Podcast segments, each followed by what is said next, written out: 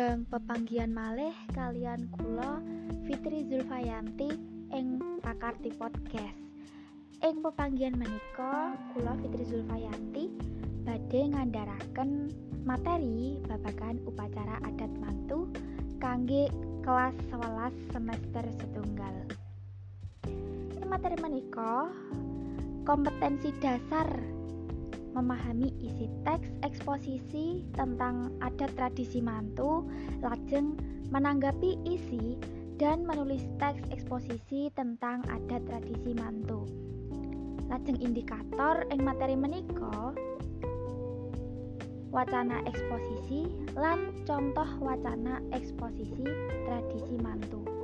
Tujuan pembelajaran setelah mempelajari materi ini, siswa diharapkan dapat mengerti tentang wacana eksposisi, lalu memahami isi wacana eksposisi tentang adat tradisi mantu. Monggo sarang-sarang dipenuhi nyemak teks eksposisi babagan upacara adat mantu. Mantu dipun tegesi kagungan damel ngemah-ngemah akan putra putrinipun ingkang sampun diwasa dipun arani ngemah-emahaken amargi nyawijikaken putrinipun utawi prawan kalian jejaka. Lajeng manggen wonten ing satunggaling panggenan utawi griya lan gesang sesarengan ing madyaning bebrayan. Miturut tata cara adat Jawa, saderengipun mantu dipun wiwiti rerangkening tata cara inggih menika kaping setunggal lamaran. Lamaran menika rerangkening tata cara nalika tiang sepuhing jejaka sowan ing dalemipun tiang sepuh ingkang putri ingkang dipun tuju dados jodhonipun. Ingkang nomor kalih paningset lan lambang kalpika utawi tukar cincin. Menawi lamaran sampun dipun tampi, lajeng calon besan nentokaken wekdal kangge tata upacara paningsetan kanthi lambang kalpika. Lumrahipun ugi dipun kanteni piranti sanesipun kados dene arta, ageman, mas-masan, jajanan, kayata jadah, wajik, jenang, roti, woh-wohan, urip-urip nggih menika ayam, bebek lan sak piturutipun.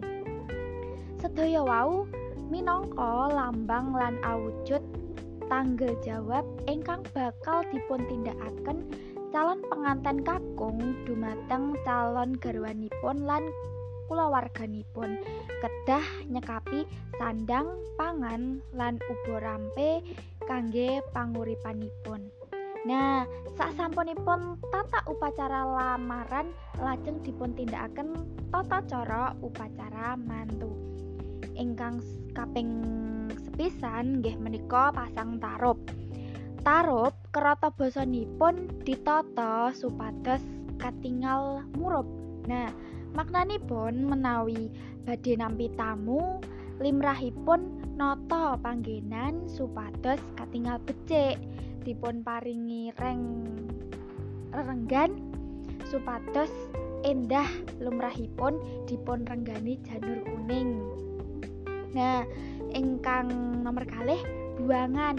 Nah, buangan inggih menika ingkang dipun buncal takir isinipun kacang-kacangan, bumbon, rajangan, daging, arto receh.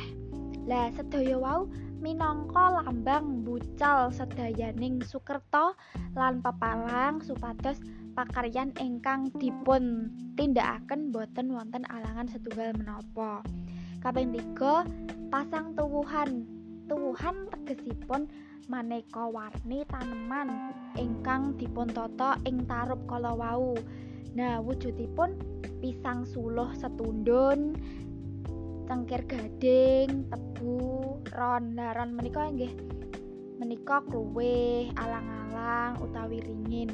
Nah, salajengipun panten sauli lan sak piturutipun. Nah, maknanipun e, tuwuhan menika supados Temanten saged nuwuhaken gesang ingkang mulya dados tuladaning kulawarga. Kaping sekawan siraman. Siraman niki dipun tindakaken sedinten sakderengipun upacara daup utawi nikah.